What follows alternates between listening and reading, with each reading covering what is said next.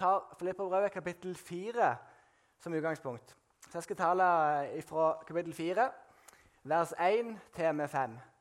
Og Da er det gleden i Herren som er min styrke.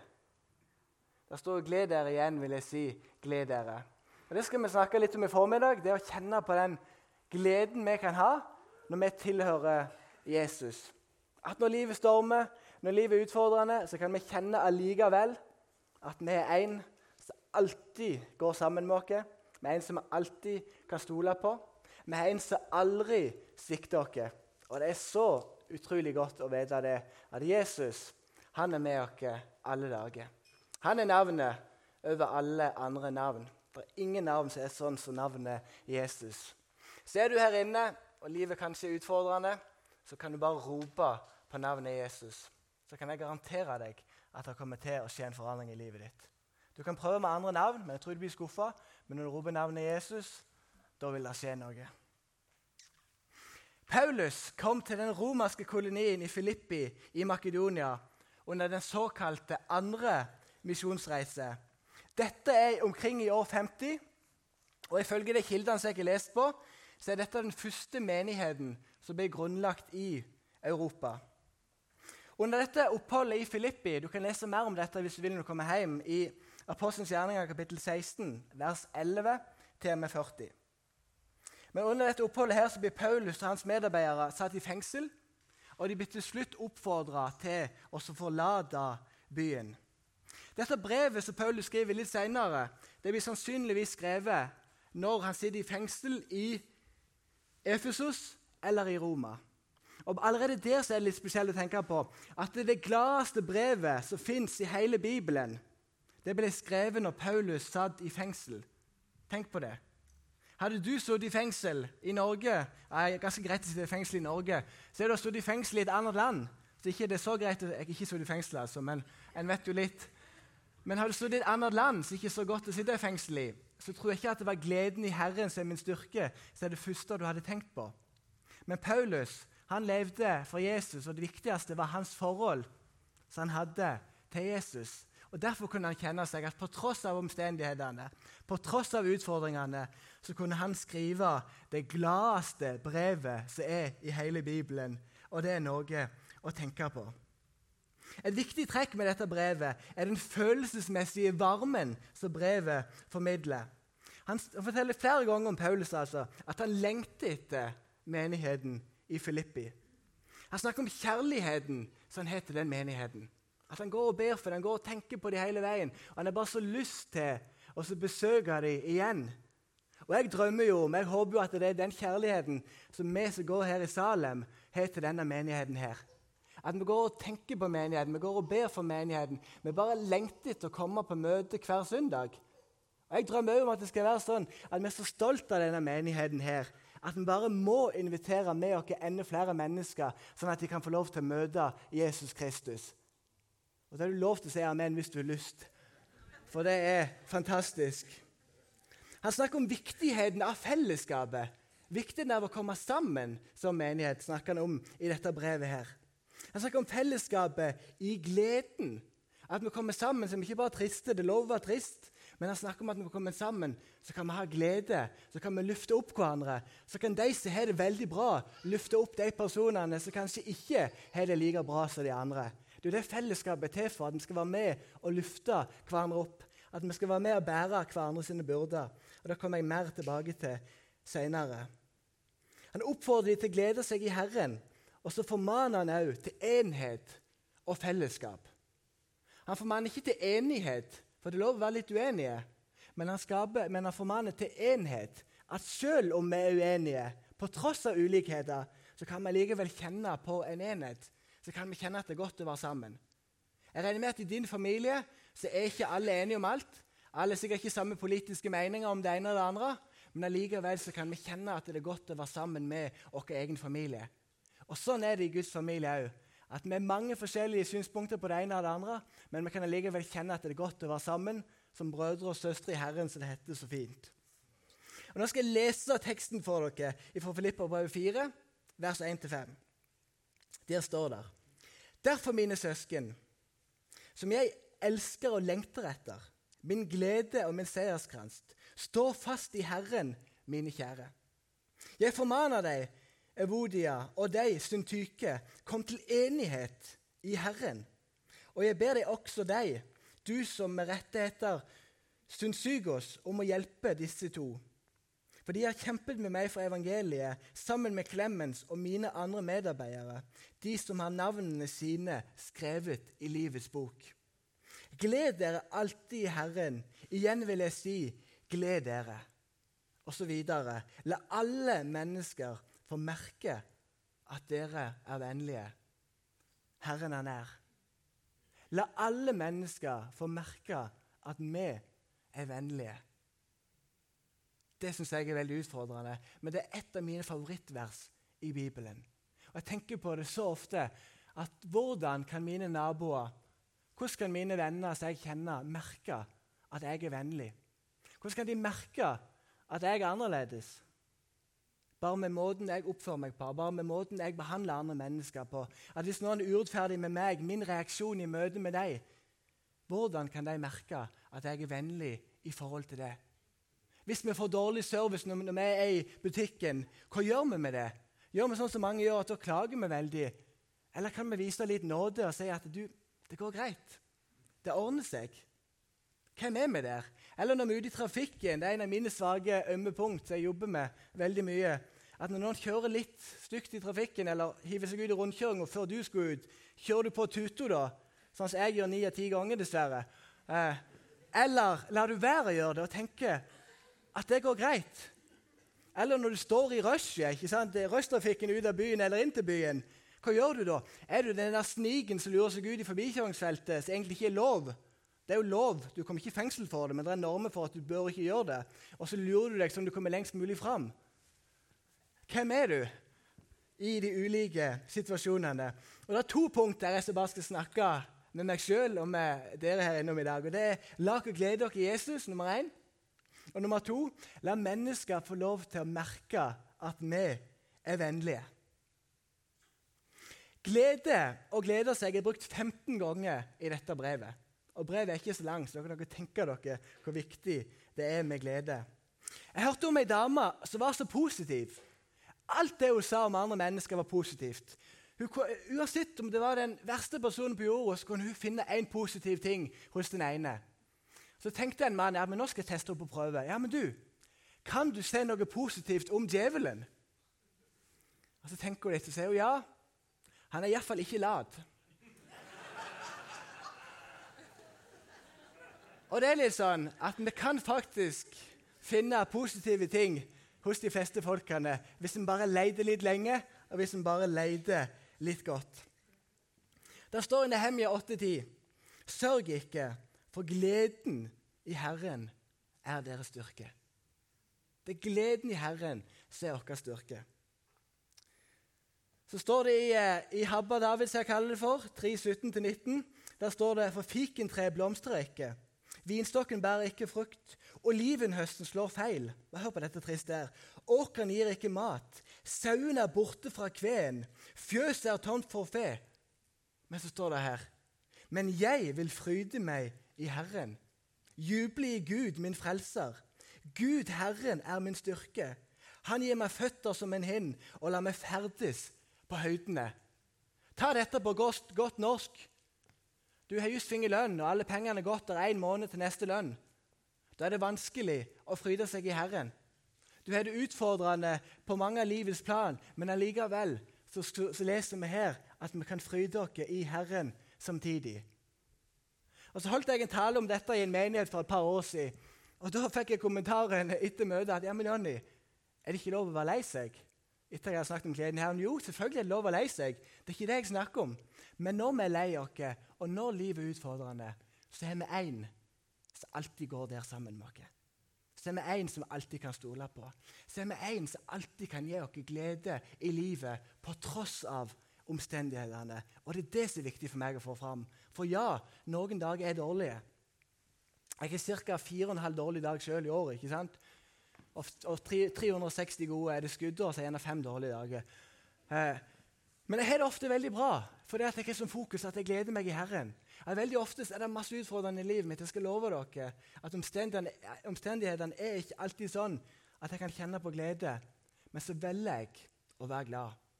Så velger jeg å legge det framfor Jesus. Og så velger jeg å ta et valg at jeg er en positiv person.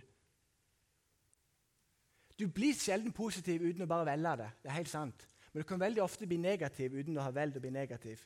Veldig spesielt, men det vet dere nok sjøl òg. Noen ganger er det lite å rope hurra for, men vi roper hurra allikevel. Vi må bevare gleden og perspektivet. Og hvis livet er så mørkt som noen ganger er, så vil jeg utfordre deg til bare blunde øynene noen ganger og så bare se for deg at en dag så skal du reise hjem til himmelen. Og En dag skal du møte Jesus der oppe i sky. Og en dag vet du at all sorg er forbi, all sykdom er forbi, all død er forbi, all elendighet er forbi. Da kan du tenke med deg sjøl at en dag så skal iallfall alt bli perfekt, om det ikke er perfekt nå. Det er viktig å ta med seg. Så tror jeg òg at Gud av og til tester oss litt for å se om vi holder fast med han, selv om det er motstand. Selv om det er utfordrende. Og så tenker jeg det er litt sånn at Hvis alle er positive til alt jeg gjør og alt jeg sier, da må jeg begynne å bli litt nervøs. Men så lenge jeg har noen kritikere og noen sier imot meg, så tenker jeg at jeg gjør det Gud har kalt meg til å gjøre. For det er en del av gamet, tror jeg. Det er en del av, av, det livet som vi lever. At alle kommer ikke til å være for oss når vi jobber for Jesus. Hvis du føler at Gud er fjern, så skal jeg bare gi deg kjapt noen tips i forhold til det. Du trenger ikke si det akkurat nå, men når du kommer hjem, så kan du si høyt og ærlig hvem Gud er. Si det til deg sjøl. Og du er jo lov å si at hvis du er litt sint på Gud, så er det lov til å si det òg. At du ikke har det så enkelt. Men så må jeg så videre tenk over Guds følelser for deg. Og Da kan du lese Salme 139. For Der står det hva Gud syns om deg, og hvor fantastisk Gud syns at du er. Tenk litt på det. Gå gjennom tidligere opplevelser som du har hatt med Gud. Når jeg kjenner at tvilen kommer, av og til kommer tvilen hos meg òg, så, så, må jeg alltid tenke tilbake på ja, men Gud, du møtte meg jo der. Du møtte meg jo der. Du var trofast der, og du var trofast der. Og så må jeg holde fast på de tingene der. Og det, og det hjelper meg veldig. Videre så kan du dele glede og sorger med Gud. Fortell når du er glad, og fortell òg når du er lei deg. Du kan også fortelle når du er sint. Det er sant. Du kan det. Og så tenker jeg jo videre at let, og du vil finne. Nå snur jeg litt på den, på den tingen her. Og jeg tror det er tre altså jeg har ikke jobbet med dette og tenkt, men jeg tror det er tre uvaner som vi mennesker gjør, og som jeg i hvert fall kjenner, kjenner igjen i mitt liv, at det er utfordrende, som gjør at det kan sabotere og det kan ødelegge gleden min i Gud. Og Den ene uvanen som jeg merker i, i mitt liv, det er sammenligning. At det er så fort gjort at vi som mennesker vi sammenligner oss med alle andre personer. At jeg kan komme inn her og holde en tale, så kan jeg tenke så god kommer jeg aldri til å bli. ikke sant? Det kan komme noen andre som er veldig gode til det ene eller det andre. Så kan du tenke meg selv at så god kommer jeg aldri til å bli. Så tror du gjerne at du er flink til det ene eller det andre. Men så finner du alltid ut at uansett hvor flink du er til det ene eller det andre, så er det alltid noen som er bedre enn deg. Og Hvis du tror du er kjempegod på piano, så kan du bare, bare gå på YouTube så kan du finne en gutt fra Kina som er åtte år gammel og mye bedre enn deg. Ikke sant? Det er som bare sånn det er. Det kan du gjøre på alle livets plan. Du kan finne en som er ti år gammel i Kina som er mye bedre enn deg, uansett hva det er for noe. Og så blir vi triste, for det er at vi sammenligner oss hele veien. Men det vil alltid være noen som er penere, alltid noen som vil være smartere, alltid noen som vil være rikere, alltid noen som vil være mer vellykka, og alltid noen som vil være bedre likt enn det du er. Jeg beklager om at jeg sier det, men det er sant. Og sånn er det med meg òg. Og Hvis dette er vårt fokus, alt det vi ikke har, da kan vi kjenne at gleden i Herren forsvinner. Men kan vi snu på dette og heller se på ja, men hva har jeg faktisk? Da vil det skje noe.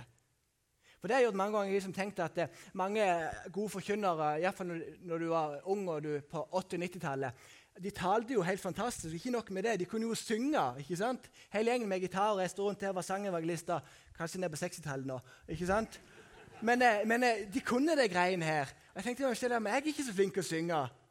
Jeg er OK å tale, men tenkte ja, men hva er jeg som de ikke? ok? Jeg ser iallfall mye bedre ut enn de, tenkte jeg. ikke sant? Og da handler det om at du bare må finne det som Gud har velsigna deg med. ikke sant? Det tøyser jo litt òg, altså. Men vi må ikke se på det som vi ikke er, men vi må heller se på det som faktisk Gud har lagt i våre hender. For Gud han har skapt deg som en original. Og så må det ikke bli som det sto på mange russekort før i tida, at eh, du er født som en original, ikke død som en kopi. Og La det være sånn i livet ditt at du er den som Gud har kalt deg til å være. Med dine feil og dine mangler. Og Noen ganger skal vi takke Gud for dem, helst ikke, altså, men noen ganger skal vi det. For vi er bare mennesker. Men så kan vi få lov til å takke Gud for de gode sidene som Han har gitt dere. Og så vet jeg at det er ikke alltid like enkelt på Sørlandet, for alt er så fint alt er så greit. det vet vi jo. Og det er vanskelig å stikke seg ut. Og På Haua, som jeg kommer fra, eller Sukna, som jeg kommer fra, der er vi i teorien i fall begravd janteloven. Men jeg merker jo at den lever i beste velgående. Men vi har iallfall begravd den sånn teoretisk sett og hever noe jord over. ikke sant? Så den er begravd i parken hjemme i Sokndal. Og jeg tenker at Kan vi ikke bare gjøre det her òg? Kan vi ikke våge å være åpne med det vi er gode på?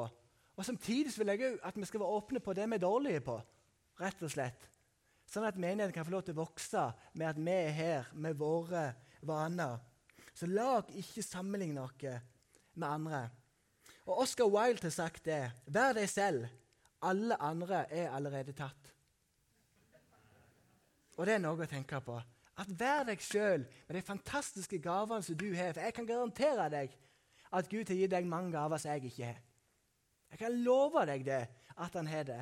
Og Jeg sier det så mange ganger, jeg sier det, men alle i Guds rike er like viktige. Det er like viktig med han som stiller lyden der bak i dag, så at jeg står her framme. Like viktig med Halvard som sto i døra og ønska meg velkommen, ikke sant? så at jeg står her framme. Og det er det vi må forstå. At alle sammen er viktige. Og alle gavene som du har fått, Vær frimodige med dem. Vær ærlig med at du er flink til noe, for det er du. Mye flinkere enn jeg er til mange, til mange ting. Videre så er det en ting som kan utfordre dere, og det er klaging. Har dere merka en ting? At når du møter glade mennesker, mennesker som er fornøyd med livet, da er det lite klaging. Har du tenkt på det?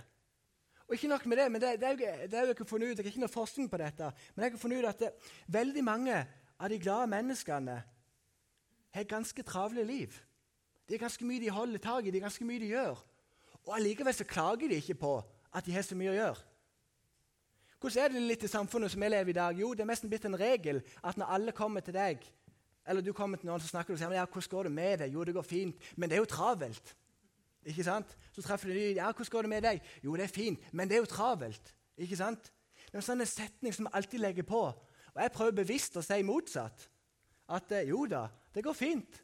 Jeg har ikke tid til det jeg trenger å ha tid til. Og det er ikke så travelt. Ikke sant? Mens mange ganger så kan vi klage over en travelhet som vi egentlig er veldig stolte over at vi har, og så egentlig, egentlig bare er vår egen feil. Det er jo din feil at du er travel, det er ikke min feil. På ingen måte. Og jeg forventer ikke som pastor i menigheten her at du skal komme her fem dager i uka. Kommer du her fire, så er det greit. Jeg vil si Nei, men Kommer du her eh, når Gud kaller deg og du har en tjeneste, så er det mer, mer enn nok. Men vi må ikke på død liv være så travle. for jeg tror det at det, Mange ganger så fører det til at vi klager litt. Og når livet er utfordrende, så er vi veldig negative. Og det er lov det å være litt negativ, men finn gjerne en person som du stoler på. Det har jeg flere av i mitt liv, flere mentorer. At når livet mitt er utfordrende, så går jeg til deg, og så klager jeg rett og slett over livet mitt. Jeg klager over det, og det er utfordrende, det er sånn og sånn. Og så blir jeg ferdig med det.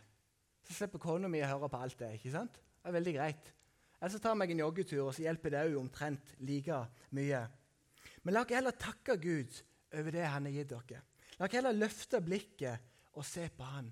La dere se på Jesus, for han kommer ikke til å skuffe deg.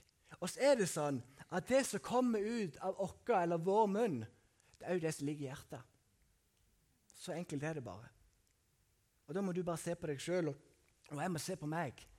Hva er det som kommer ut av mitt hjerte? Er det positivitet jeg sprer rundt meg, eller er det negativitet? Jeg sprer rundt meg. Og Det kan du bare svare på i ditt liv, for det er mellom deg og det er mellom Gud. Nummer tre som hindrer veldig mye i forhold til det å være glad, det er kritikk. Mennesker som stadig kritiserer og dømmer og trykker ned andre mennesker. Det har jeg funnet ut at veldig ofte de som er mest kritiske, de som snakker mest nedlatende om andre mennesker, det er ofte de som er det verst med seg sjøl. Tenk på det. For jeg tror det at glade mennesker finner positive ting hos alle. Og De beste komplimentene jeg, jeg noen gang kan få av mennesker, det er når folk kommer bort til meg og sier ja, men Jonny, du klarer å finne noe positivt hos alle. Når folk sier det, da blir jeg glad. Da hadde det vært verre motsatt. Så noen får ja, men du klarer alltid å finne noe negativt med noen. Ikke sant? Det er ikke det gøyeste du kan høre i løpet av en dag. Fra skala 1 til 10, hvor gøy det er? Kanskje to.» Men når noen sier at du er positiv, at du sprer glede, at det er godt å være sammen med deg, da skjer det noe. At folk kjenner at Når du kommer hjem i huset ditt, så kjenner de at her er det godt å være. Og så er Jeg òg kritisk mange ganger. Jeg skulle ønske jeg ikke var det, men jeg er det. Dessverre. Men det er aldri for seint å ta et oppgjør med at vi er kritiske. Og bestemme oss selv at vi ønsker ikke å være kritiske i tida som kommer. Vi ønsker å velsigne. Vi skal være en velsignelse. Ja, det er lov å være skeptisk. Selvfølgelig det er lov. Jeg er sjøl det. Men det er lov å fokusere ekstra mye på å være positiv istedenfor å være kritisk til det og være kritisk til det og være kritisk til det. Ikke sant? Hørte om et møte som hadde vært nå i en menighet. Jeg skal ikke se hvilken menighet det var. Men på det møtet så var det, var det tre stykk, tror jeg, som hadde, hadde tatt imot Jesus. Og Så var det en av vedkommende i menigheten som kom bort til pastoren og klaget over at lyden var for høy på gudstjenesten. Det er helt sant. Og Det gjør iallfall meg som pastor veldig trist. At det, er tre stykker som tar imot Jesus og vil følge han resten av livet. Og så er det, er det så farlig at lyden var for høy. Og så passer vi på at lyden ikke er for høy. Selvfølgelig gjør vi det. Men det viktigste er jo at mennesker tar imot Jesus. Det er viktig å velge det gode, for gleden i Herren er vår styrke. Når vi har den gleden på innsida, så vil vi merke at det er annerledes. Vi vil merke at det er en som er større, som er med oss, en som vandrer tett ved vår side. For gleden i Herren, den er din styrke, og den er min styrke. Punkt nummer to. La mennesker få merke at vi er vennlige. Jeg tror det er sånn. Jeg tror Gud har gjort det sånn at folk vil merke på måten vi er på. Folk vil merke på måten vi oppfører oss på. På måten vi møter andre mennesker, så vil de merke at det er noe annerledes med oss. De vil merke at det er en varme, det er en positivitet, det er et nærvær som går ut ifra oss. Det tror jeg folk vil merke når vi lever for Jesus, når vi er brennende for Han. Så merker de at det er noe med oss. Det tror jeg. Og det tror jeg du merker i livet ditt sjøl òg. Jeg tror det er sånn at, at vi virkelig møtt Jesus, har vi virkelig kjent hans nærvær, har vi virkelig kjent hva det betyr å leve for han, da vil det se annerledes ut i livet vårt. Da vil vi leve annerledes, vi vil prioritere annerledes. Det er helt sant, vi vil det. Jeg garanterer deg det. Men idet vi mister blikket ifra Jesus, når vi ikke ser på Jesus lenger, da kan vi merke at det kommer en avstand, og vi er igjen ikke så glade lenger. Og når jeg satt og forberedte denne preken, her, så bare kjente jeg det. At jeg tror det er mennesker som sitter inne i menigheten her i dag, som en gang var brennende for Jesus. Som en gang brant for ham. Som en gang sa at 'Jesus, du er det viktigste i livet mitt'. Men nå har Jesus gått fra viktigste i livet ditt til å bli viktig. Og det er stor forskjell på de tingene der. Og jeg tror det at han ønsker å møte deg på ny. Jeg tror at der du sitter nå, og også etterpå når det blir, når det blir spilt noen sanger, så kan du få lov til å sitte der, åpne opp ditt hjerte og bare si at 'Jesus, her er jeg. Kom og rør ved meg. Kom og møt meg. La jeg kjenne at jeg får tilbake min første kjærlighet.' Det leser om i åpenbaringen at det står det at én ting har jeg imot deg. At du har forlatt din første kjærlighet. Og vi vet jo selv hvordan det er. Sier du er gift, og du har vært gift i en del år, og hvis du merker at kjærligheten til din fru, din hustru, begynner å forsvinne, da er det på tide å gjøre noe. At Hvis gresset er grønnere på andre sida av gjerdet, ikke sant? da er det på tide å vanne sin egen hage. Og Sånn er det med Jesus òg. At når du merker at det er andre ting som frister deg mer enn å være sammen med Han, da er det på tide at en begynner å vanne vår egen hage, sånn at vi kan være sammen med Jesus igjen. For det, er det som vil gjøre at folk vil merke at vi er vennlige. For jeg tror seriøst ikke at jeg er så vennlig i meg sjøl. Kanskje litt på en god dag.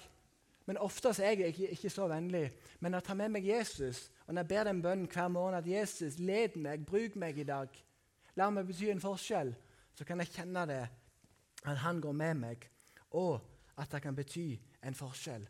For det er ingenting, står det i Bibelen, som kan skille oss fra Guds kjærlighet. Tenk det. At Uansett hva vi gjør, uansett hva vi føler, så vil Gud elske oss like mye uansett.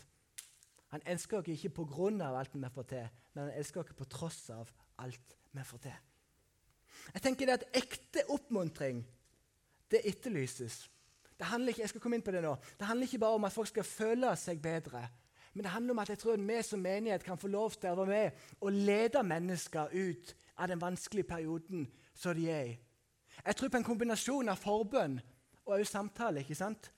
At vi ber for dem, og samtidig så er vi medmennesker og leder dem ut av det vonde mønsteret som mennesker lever i. Jeg synes Det er så utfordrende, pastor. Jeg bare tenkte på det at jeg, jeg, jeg er litt sånn lei av at, at, vi gjerne går til menigheten hver søndag ikke sant? og så synger vi med stor grad av lidenskap, eller kanskje liten grad av lidenskap. Og deretter så strømmer vi ut i bilene våre, hjem igjen til ekteskapsproblemer, hjem igjen til angst, hjem igjen til depresjon, hjem igjen til alkoholisme, hjem igjen til pornografiavhengighet og masse andre problemer. Og så tenker jeg at Dette er plass nummer én, der du kan komme og treffe andre mennesker og bli satt i frihet fra disse utfordringene i livet ditt. Det tenker jeg. Jeg tenker at Ingen trenger ut ifra her og kjenne på de samme utfordringene i livet ditt. Du trenger ikke det. Det er derfor vi er menighet, sånn du kan finne noen å snakke sammen med. Du kan komme til forbønner etterpå. så det er flere som har lyst til å være med og be for deg. Og så ønsker vi som menighet å gå tett ved de sider. Så ønsker vi som menighet å være åpne med vårt liv, at vi òg har utfordringer. Vi har det òg vanskelig, for alt er ikke perfekt. Og så kan vi være med og lede mennesker inn i et bedre liv. For Gud har kalt dere til å sette mennesker fri. Og hvordan kan vi praktisere oppmuntring? Jo, jeg tenker det at vi må gå nær. Vi må våge å gå nær mennesker. Vi kan finne en eller to personer som vi ønsker å bruke litt lengre tid med, som vi vet er det utfordrende, som vi vet sliter. Så kan vi være der og bety en forskjell. Så kan vi være der og peke på at det er håp, at det er en utvei. For sannheten er det at noen ganger så er vi de som trenger hjelp. Og noen ganger er det motsatt. At noen ganger er vi de som kan gi hjelp. Og Da tenker jeg at en menighet fungerer sånn at når vi har det godt, så hjelper vi de som er det dårlig. Og når vi har det dårlig, så hjelper de som har det godt. Dere. Sånn, sånn at vi går sammen. Jeg tenker videre at vi ikke skal fordømme, for det er forskjell på å, å dømme og bryte ned en bror eller søster, eller å tilby undervisning og veiledning. Det er stor forskjell på det. At ja, det er greit nok du har gjort det og det, men Gud tilgir deg. Gud gir deg en ny start. Gud går ved de sider. Ikke sant? Husker For en del år siden så hadde jeg en periode i livet der jeg ikke levde så nærme Jesus. Så var det en av mine beste venner som kom jeg på kontoret hans. Og så sa han til meg, 'Jonny, hvis jeg hadde fått én krone av alle personene som har sagt til meg at du har forandra deg negativt de siste par månedene, så hadde jeg blitt en rik mann', sa han til meg. Og Det han egentlig mente da, var at Johnny, jeg tror det er på tide at du tar et oppgjør med noen av de tingene du holder på med. Det er på tide at du går litt videre. Det er på tide at du blir den som Gud har kalt deg til å være. Og den personen der han har gjort sånn med flere anledninger.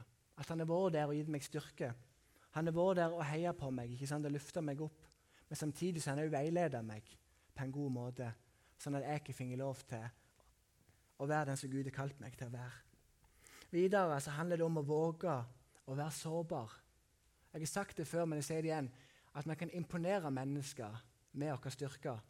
Men vi knytter oss til mennesker gjennom våre svakheter. Og det er to forskjellige ting. At ja, det er bra å være sterk, det er bra å være på toppen, og sånn og sånn. men det er gjennom svakheter at vi knytter oss til mennesker. Denne mennesker ser at, det, at jeg som pastor sliter òg med forskjellige ting i livet. Og så kan de kjenne det at, at, de vil åpne seg opp for meg. Og sånn kan det være med deg òg. Og videre så tenker jeg det at vi skal hjelpe de ut. Det er en verden som desperat trenger helbredelse og håp. Det er en verden som desperat trenger at vi som menighet er vennlige. At vi som menighet ser dem. At vi som menighet skiller oss ut. At vi som menighet er positive. Jeg tror det er mange som lengter etter akkurat det. La dere ikke gjemme dere bak fraser på Facebook og Instagram. La, la dere ikke gjøre det hele veien. At alt er så fint, alt er så perfekt. og 'Dette er mine barn, og dette er så sånn, og vi gjorde dette i dag', og sånn og sånn. Og så er det kanskje ikke så enkelt allikevel. Jeg kjenner flere folk som jeg har hatt samtaler med, eh, som gjerne har hatt det kjempetøft i ekteskapet sitt. ikke sant? Og så kan gjerne vedkommende skrive dagen etter at 'min mann er verdens beste mann'. Og så vet jeg med meg sjøl at det er han absolutt ikke. Han behandler deg ikke bra, og det vet du sjøl òg. Men så lager vi en fasade med at sånn og sånn ser det ut i livet mitt. At alt ser så perfekt ut. Men så er det så langt ifra perfekt som det kan å komme. Og jeg tenker det at det kan vi som kristne få lov til å gå litt for, foran og rett og si det av og til at livet er ikke enkelt. Rett og si det at livet er utfordrende, selv om Jesus går med oss. Så ikke du skal gå hjem og skrive på Facebook at du har et vanskelig ekteskap. Vær så snill, ikke gjør det. Ikke det jeg snakker om. Men har du det utfordrende ekteskapet ditt, så trenger du heller ikke gå hjem på Facebook og skrive hvor fantastisk du har det. For du lurer bare deg sjøl, og du lurer resten av verden. Men søk hjelp, og finn noen som kan gå sammen med, med de, på de sider. Det fins ikke noen enkle liv. Det fins bare liv. Og sånn er det. Vi er normale mennesker her i menigheten som forsøker å tro på Gud. Og noen ganger er det veldig vanskelig. Den eneste forskjellen tenk på dette, den eneste forskjellen på meg og en som ikke tror på Jesus, det er Jesus. Den eneste forskjellen som fins. Jeg er ikke noe bedre. Jeg kan ikke stille meg i noe bedre lys, for det er Jesus som gjør meg bedre. Det er Jesus som forandrer meg. Det er Jesus som gjør meg ny. Og i meg sjøl har jeg svært lite å komme med, men fordi jeg har tatt imot Han, så kan jeg kjenne at Han vandrer tett ved min side. La oss være en menighet som er kjent for å være vennlige. La oss være en menighet som gleder dere i Herren på tross av alle utfordringene som er i livet. Så kan vi kjenne at Jesus vandrer tett med vår side. Jeg skal be en bønn. Kjære Jesus, jeg takker deg for det at eh, du er vårt forbilde i å vise vennlighet. Du er vårt forbilde i å vise glede.